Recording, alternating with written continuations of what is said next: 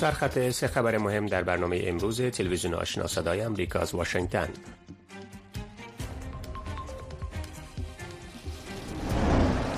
در دومین مرحله رهایی ها در اسارت حماس امروز 13 اسرائیلی و 4 شهروند تایلندی آزاد کردید. در این تبادله اسرائیل نیز 39 فلسطینی را آزاد کرد که شامل 6 زن و 33 نوجوان است. کمیشنری عالی سازمان ملل متحد در امور پناهندگان بار دیگر از حکومت پاکستان خواسته که اخراج صدها هزار افغان فاقد اسناد را از آن کشور متوقف سازد. و کارشناسان امور افغانستان و منطقه می‌گویند که اعمار بند تازه بر فراز دریای خاشرود توسط طالبان می‌تواند تنشهای حقابه را میان ایران و افغانستان دامن بزند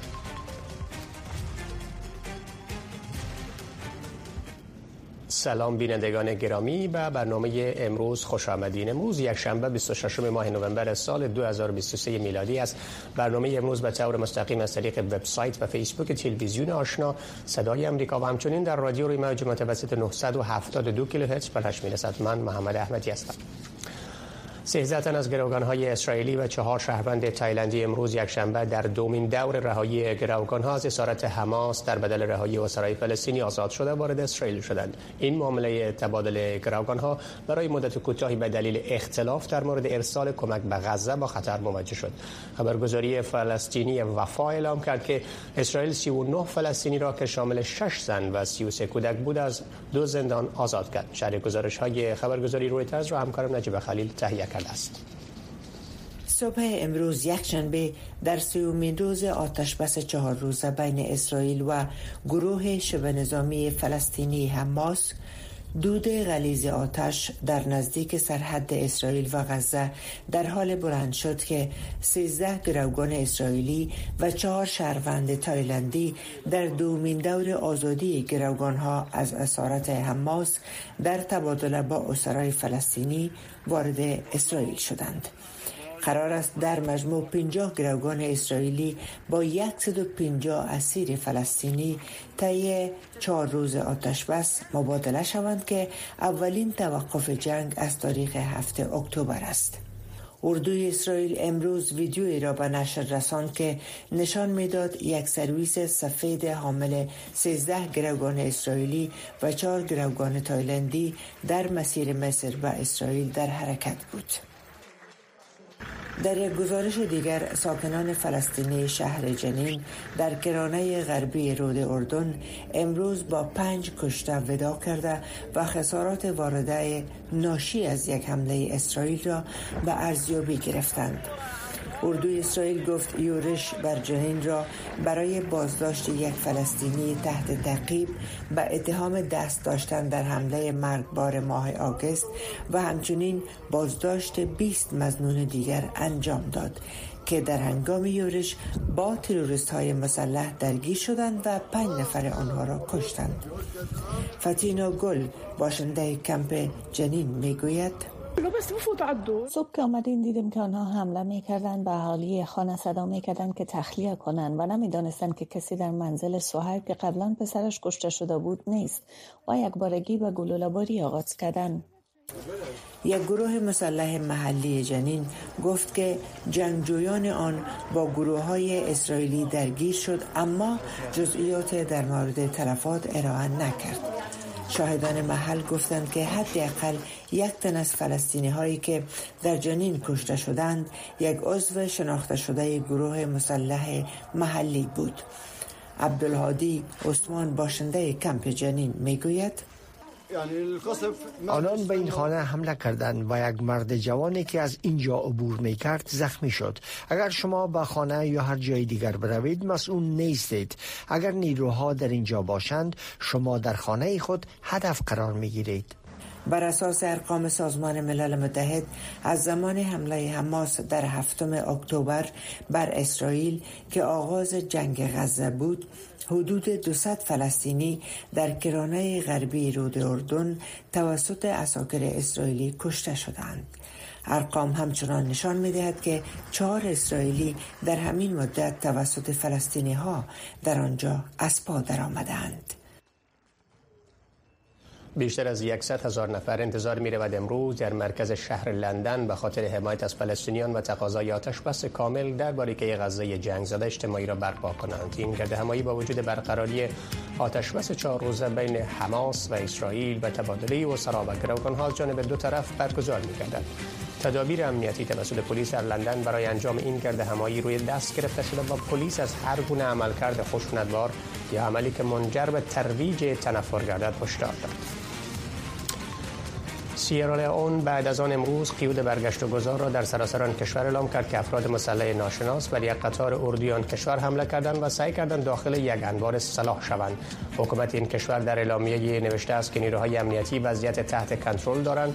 وضعیت را تحت کنترل دارند اما باشندگان این کشور به خبرگزاری روی ترز گفتند که صدای گلوله باری و انفجارات شنیده می شود وضعیت سیاسی در این کشور غرب افریقا. زمان انتخاب مجدد جولیوس مادابیو رئیس جمهور آن کشور در انتخابات پرمناقشه ماه جون همچنان در تنش است. کاندید اصلی جناح مخالف نتیجه انتخابات را قبول نکرده است. اعتراضات ضد حکومتی منجر به کشته شدن شش مأمور پلیس و کم از کم 21 فرد ملکی شده است. هزاران نفر در شهر روم پایتخت ایتالیا تجمعی را برپا کرده و خواستار ختم خشونت علیه زنان شدند. این گرد همایی بعد از کشته شدن یک معسل دانشگاه که در اوایل ماه جاری رخ داد برگزار کردید.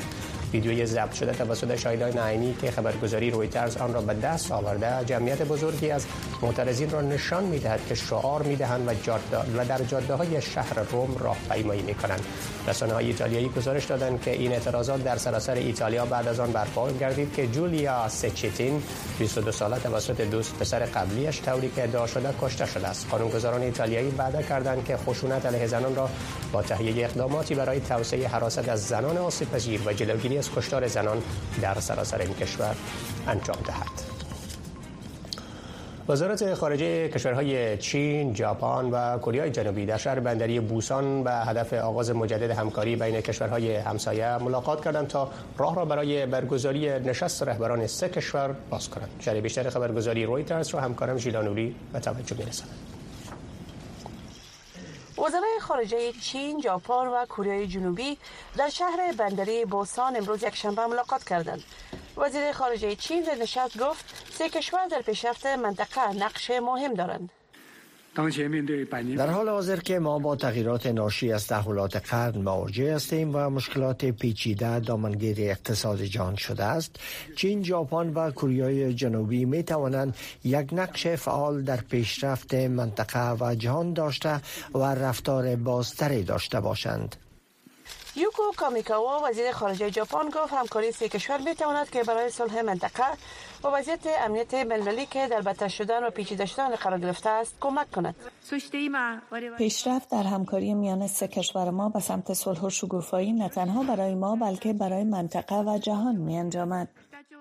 وزیر خارجه کره جنوبی نیز روی اهمیت این همکاری ها تاکید ورزید من مشتاق همکاری مشترک هستم تا مطمئن شویم که نشست سگانه کشورها که اساس همکاری های سه کشور است به زودترین فرصت پس از ملاقات امروز برگزار گردد.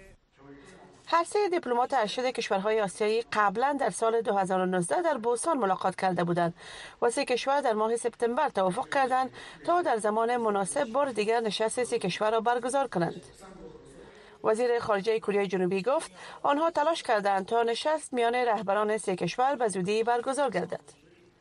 ژیلا نوری، تلویزیون آشنای صدای امریکا، واشنگتن.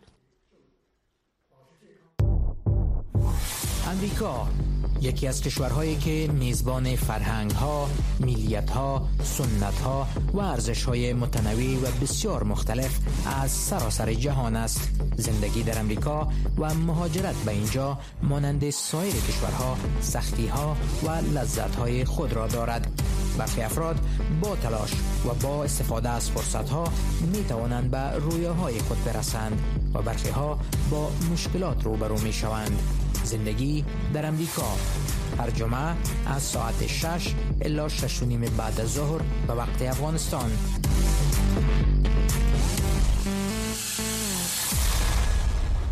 در آستانه فصل زمستان و نگرانی از آغاز سرما در افغانستان کمیشنری عالی سازمان ملل متحد در امور پناهندگان بار دیگر از حکومت پاکستان خواسته است که اخراج صدها هزار افغان فاقد سند را از آن کشور متوقف سازد. مقام های پاکستانی گفتند که تعداد مهاجرین افغان در این کشور با چهار میلیون و چهارصد هزار تن می‌رسد که از جمله آن یک میلیون هفتصد هزار تن فاقد اسناد اقامتی هستند. مهاجرین افغان در حالی از پاکستان اخراج می شوند که موج سرد زمستان آغاز شده و میزان فقر و تنگدستی در افغانستان نیز افزایش یافته است. شماری از نهادهای بین المللی گفتند که در 25 روز گذشته بیش از 400 هزار افغان از طریق بنادر ترخم و اسپن بولدک از پاکستان به افغانستان اخراج شدند. دیبا فرهمند فعال حقوق زنان و رئیس جنبش انقلاب زنان افغانستان ساکن پاکستان است. او می‌گوید که با اخراج اجباری مهاجرین افغان از پاکستان دخترانی که در این کشور مصروف تحصیل بودند با بازگشت اجباری به افغانستان یک بار دیگر با آینده سیاه و تاریک مواجه می‌شوند. خانم فرهمند در مصاحبهش با صدای آمریکا طالبان را دشمن علم و دانش خوانده و گفت که همین اکنون تعدادی از دخترانی که در زندان طالبان به سر می‌برند تنها جرمشان دایر کردن کورس‌های زبان انگلیسی برای دختران بوده است و حالا در زندان طالبان هستند. کمیشنری عالی سازمان ملل متحد در امور پناهندگان با نشر یک ویدیوی در شبکه اکس گفته که از اواسط ماه سپتامبر تا اکنون 327 هزار مهاجر افغان از پاکستان برگشت کردن به افغانستان.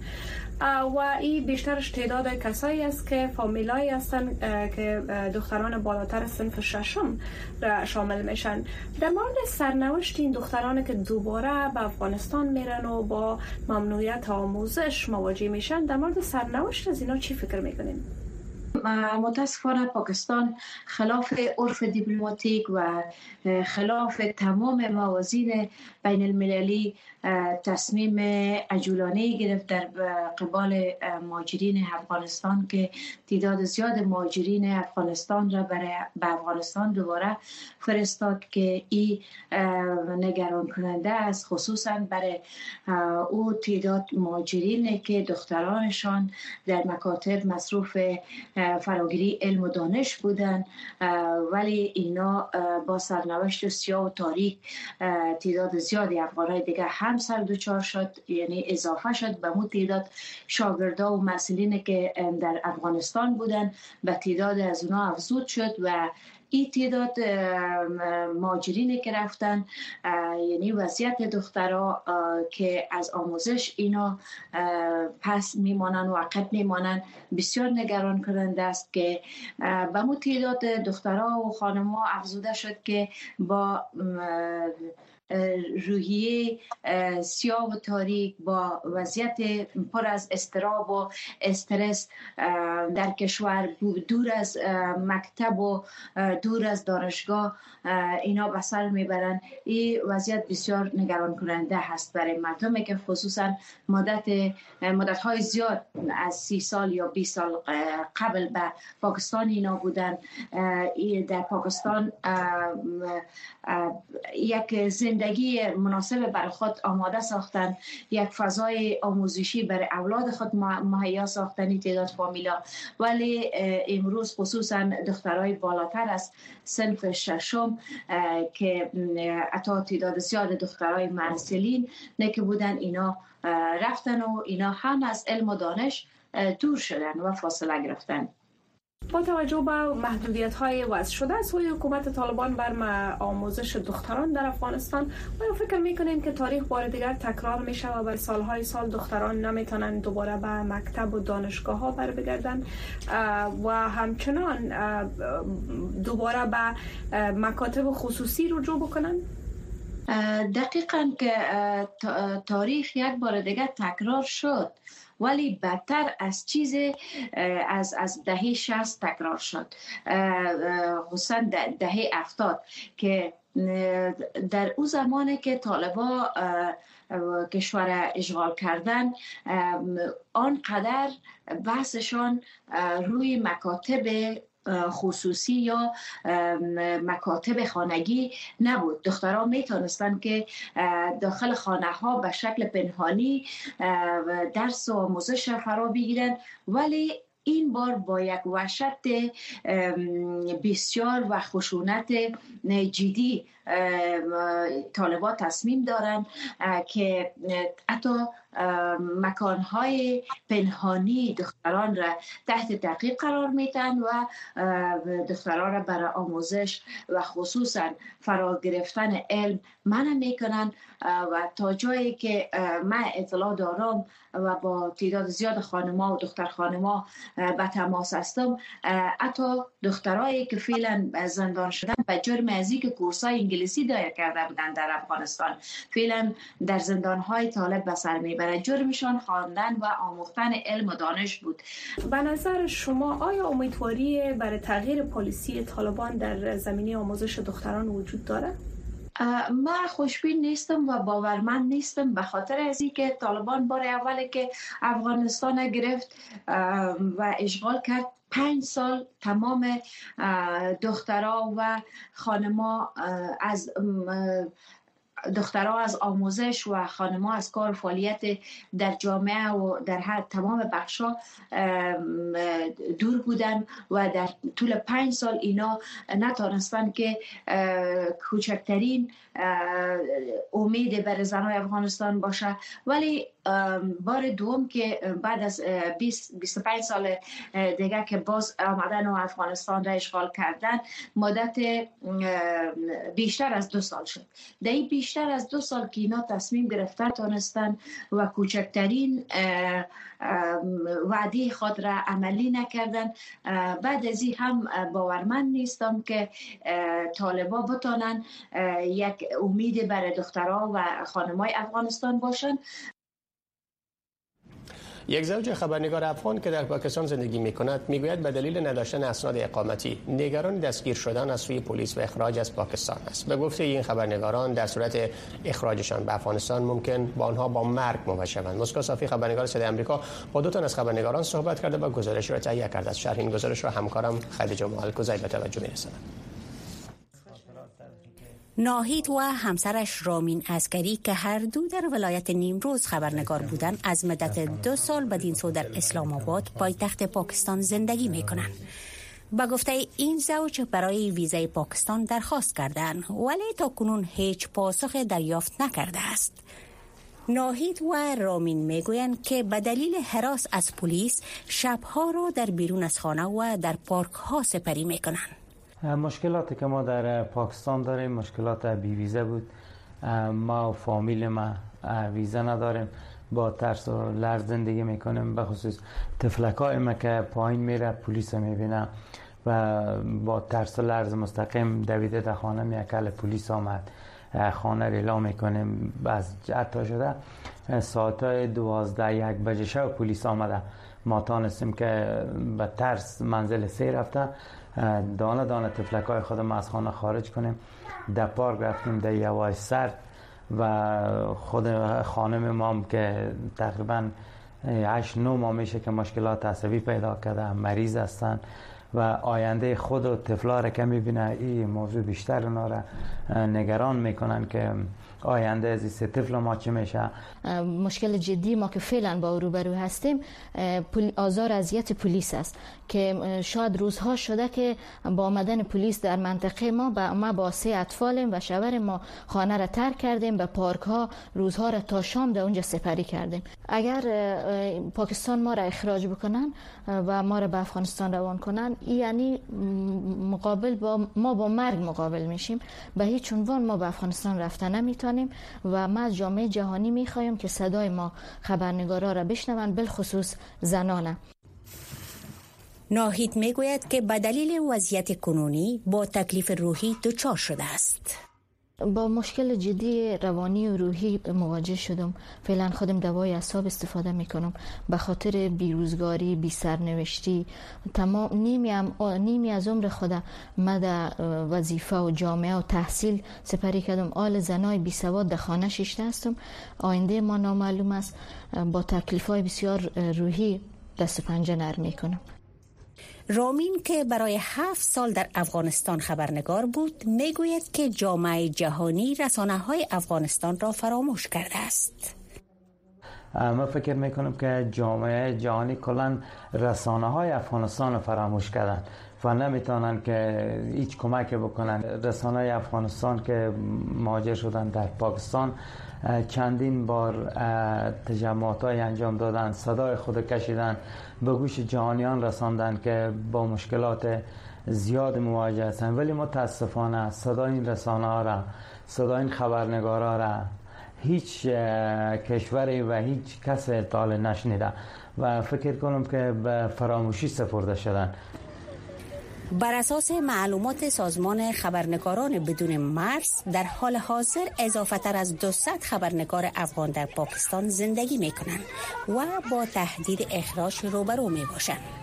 خدیجه همال کوزه تلویزیون آشنا صدای امریکا واشنگتن امور افغانستان و منطقه می‌گویند که اعمار بند تازه بر فراز دریای خاشرو توسط طالبان می‌تواند تنش های حقابه را میان ایران و افغانستان دامن بزند نقش این بند آب برای زمین های زراعتی در منطقه تأثیر آن بر محیط زیست مشکلات سرحدی میان ایران و افغانستان روی مدیریت آب بحث را نیز برانگیخته است. جزئیات این موضوع را در گزارشی از همکارم ژیلا نوری می‌بینید مقامات طالبان اخیرا اعلام کردند که بر فراز دریای خاشرود ولایت نیمروز بند آب جدید می‌سازند این تصمیم در فاصله کمتر از دیدار اخیر مقامات طالبان به ایران گرفته شده است که بر اساس گفته مقامات ایرانی طالبان برای حقابه دریای هلمند به توافق رسیدند. اما جزئیات آن مشخص نشده است. کریم پیکار پامیر کارشناس امور منطقه می‌گوید طالبان ممکن بخواهند بند جدید اعمار کنند اما نظر به شرایط بد سیاسی اجتماعی و موقف نظامی توانمندی مقامات کمتر را در برابر همسایه ها دارند. اگر طالبان می‌خواهند بندهای دیگه هم اعمار بکنند نظر به ضرورت زراعت و ضرورت مردم خود ما و ضرورت های اقتصادی این در حالت است که آب یعنی بالای ایران قطع نشه وقتی که آب قطع نمیشه نظر به قرارداد طالبا هم حق دارن یا جانب افغانستان که بند و انهار خود داشته باشه. ولی شرایط ما شما می‌دانیم متاسفانه شرایط سیاسی و اجتماعی و نظامی طوری در منطقه در جریان افتید که افغانستان در یک ناتوانی و بینوایی فعلا دست پا می‌زند. از سوی دیگر تحلیلگران می‌گویند که توافقات طالبان با ایران تا کنون عملی نشده است و در عوض طالبان تلاش دارند تا با مدیریت کردن دسترسی آب به کشورهای همسایه ایران و ترکمنستان را به خاطر کسب مشروعیت بین‌المللی تحت فشار قرار دهند. فاطمه امان تحلیلگر دیگر امور می‌گوید هر نوع توافقی با طالبان باشد با آن عمل نخواهند کرد. در عمل دیدیم که هرگاه بین دو طرف تنشی ایجاد شده یا مناقشه ایجاد شده یا تهدید کردن به اینکه آب رو نمی‌ذاریم بیاد یا ایران مسئله مهاجران رو مطرح کرده یا مسئله برق و گازی که به افغانستان میده رو یه جوری به نحوی به گروگان گرفته. پس توافقی که الان بین هیئت طالبان در ایران و ایران شده به خودی خودش چیزی رو حل نمی‌کنه. هنوز راه درازی در پیش هست برای حل و فصل مسئله با باور خانم امان تصمیم اعمار بند آب جدید در دراز مدت مشکل منطقه و کشورزار را حل نمی سازد بلکه باعث ایجاد مناقشه می گردد و روابط با کشور همسایه که ممکن افغانستان در برخی حالات نیاز به کمک آن داشته باشد آسیب می رساند. دو کشور به خاطر علی منازعه عقابه بارها به سطح عالی مقامات سیاسی و امنیتی بحثای داشتند افغانستان از نظر استراتژیک یا موقعیت خود می تواند که از سرازیر شدن آب به کشورهای ایران و ترکمنستان خودداری کند. فضل اختر استاد انجینری آب در دانشگاه بن آلمان می‌گوید اعمار بند آب جدید برای تو کشور نه تنها جنجال برانگیز بوده بلکه بر محیط زیست منطقه تاثیر منفی به جا می‌گذارد. مناطق پایین که آب وصول می‌کنه چه در داخل افغانستان میشه؟ چه از خارج از سرحدات افغانستان میشه؟ تاثیرات خود داره. اکثریتش هم منفی. خود داخل افغانستان شاید با پاینا و مناطقی که هستن با عبایز زمینی شاید تاثیر پیدا کنه. همچنان با مناطق پاینا ایران هم شاید تاثیرات داشته باشند این در حال است که ایران و ترکمنستان در بدل دسترسی به آب هلمند برای افغانستان برق تامین می کنند و منابع آب شریکی برای این دو کشور اهمیت دارد. در صورتی که افغانستان نتواند اندازه قابه دریای هلمند را برای این دو کشور فراهم سازد این تصمیم روابط با ایران و ترکمنستان را متاثر خواهد ساخت. ژیلا نوری تلویزیون آشنای صدا امریکا واشنگتن. در عصر و زمان تغییر که جهان نامطمئن به نظر می رسد و آنچه می شنویم منعکس کننده آنچه می‌بینیم نیست ما به دنبال حقیقت می‌بریم وقتی تنها بخشی از حقیقت و آنچه اتفاق افتاده به ما گفته می شود اعتماد از بین می رود رویاها آرزوها و خواهشاتمان برای یک فردای بهتر و مطبوعات آزاد بستگی دارد. در صدای امریکا ما روایتگر گزارش هایی هستیم که مردم برای دیدن آن خطر را متقبل می شوند ما در صدای امریکا جهان را با حقیقت به هم نزدیک و متحد می سازیم ما تصویر کامل حقیقت و آنچه را که اتفاق افتاده شما بازگو می کنیم برخی از تاجران افغان می‌گویند که فعال نشدن دهلیز های هوایی و موجودیت مشکلات در انتقال پول از طریق سیستم های بانکی بازار حاصلات آنها را متاثر ساخته است. اقتصاددانان می‌گویند که به رسمیت نشناختن حکومت طالبان بر وضعیت اقتصادی تاثیر ویژه‌ای داشته است. شمس آریان در این باره گزارش را تهیه کرده است که برگردان دری آن را همکارم خدیجه همالکوزی به توجه میرساند. مسدود شدن اخیر گذرگاه تورخم برای عبور و مرور اموال تجارتی برای تاجران افغان میلیاردها افغانی زیان رسانده است. با وجود کمبود آب تاجران میوه تازه و خشک میزان حاصلات امسال را زیاد می‌خوانند. ولی به گفته این تاجران به دلیل غیر فعال بودن سیستم های داد سطوت بانکی و دلیس های هوایی بازار این حاصلات را آسیب رسانده است امسال هم حاصلات خوب بود ولی کمبود آب و ازدیاد حشرات به دهاقین خساره رسانده است. حاصلات در ولایت بلخ خوب بود اما یگانه چیزی که وجود ندارد بازار است. سال گذشته کیفیت میوه خراب بود زیرا سیلاب آمده بود ولی امسال مشکلات اندک است و حاصلات خوب است. دهاقین با مشکلات دچارند اکثرا بدیل مشکلات بانکی که پول را به موقع دریافت نمی کنیم دهاقین را نیز متاثر می سازد. تلاش ما این است تا دهقانان را باید کمک کنیم. متخصصان اقتصادی می‌گویند که مشروعیت داخلی و خارجی حکومت ها اصل مهم برای اقتصاد یک کشور می باشد. به گفته اقتصاددانان با موجودیت حکومت های فاقد مشروعیت تاجران و سرمایه گذاران خارجی نمی‌خواهند که سرمایه گذاری کنند. حکومت سرپرست فعلی هیچ نوع مشروعیت داخلی و خارجی ندارد. همین دلیل است که کشورها نمی‌خواهند تا قراردادهای بزرگ را منعقد کنند و از طریق دهلیز های هوایی تجارت کنند این امر بر تجارت افغانستان تأثیر منفی داشته است و بانک های کوچک را با سقوط روبرو کرده است. ولی مقام های طالبان تلاش از طریق دهلیز های هوایی با برخی کشورها را موفق می خوانند و می گویند تلاش دارند تا این روند گسترش پیدا کند. و ما کوشش داریم تا از طریق دهلیز های کوشش داریم که با کشورهای مختلف تجارت از طریق دهلیز های هوایی را به حالت عادیان برگردانیم. کنون امنیت خوب است و امیدواریم که سرمایه گذاران به افغانستان بیایند و در اینجا سرمایه گذاری کنند. با وجود آن که تاجران افغان از تعرفه های گمرکی و امنیت شاراها خرسندند ولی مشکلات در انتقال پول از طریق بانک ها و نداشتن تماس مستقیم با کشورهای دیگر بازار حاصلات آنان را آسیب رسانده است. تاجران افغان می‌گویند که حاصلات آنان در قدم اول به پاکستان و بعد از طریق پاکستان و با قیمت بلندتر به بازارهای جهانی صادر می شود خدیجه همال کوزه تلویزیون آشنا صدای امریکا واشنگتن. بینندگان گرامی این بود داشته های برنامه تلویزیون آشنا صدای امریکا از واشنگتن. تا لحظات بعد شما شنونده و بیننده نشرات رادیو آشنا صدای امریکا خواهید بود که همچنان به صورت زنده از طریق وبسایت و فیسبوک صدای امریکا به آدرس voa کام البته دری ای و دری ای برای فیسبوک و وبسایت شما می‌تونین آنها را دریافت بکنید. با سپاس از همراهی شما.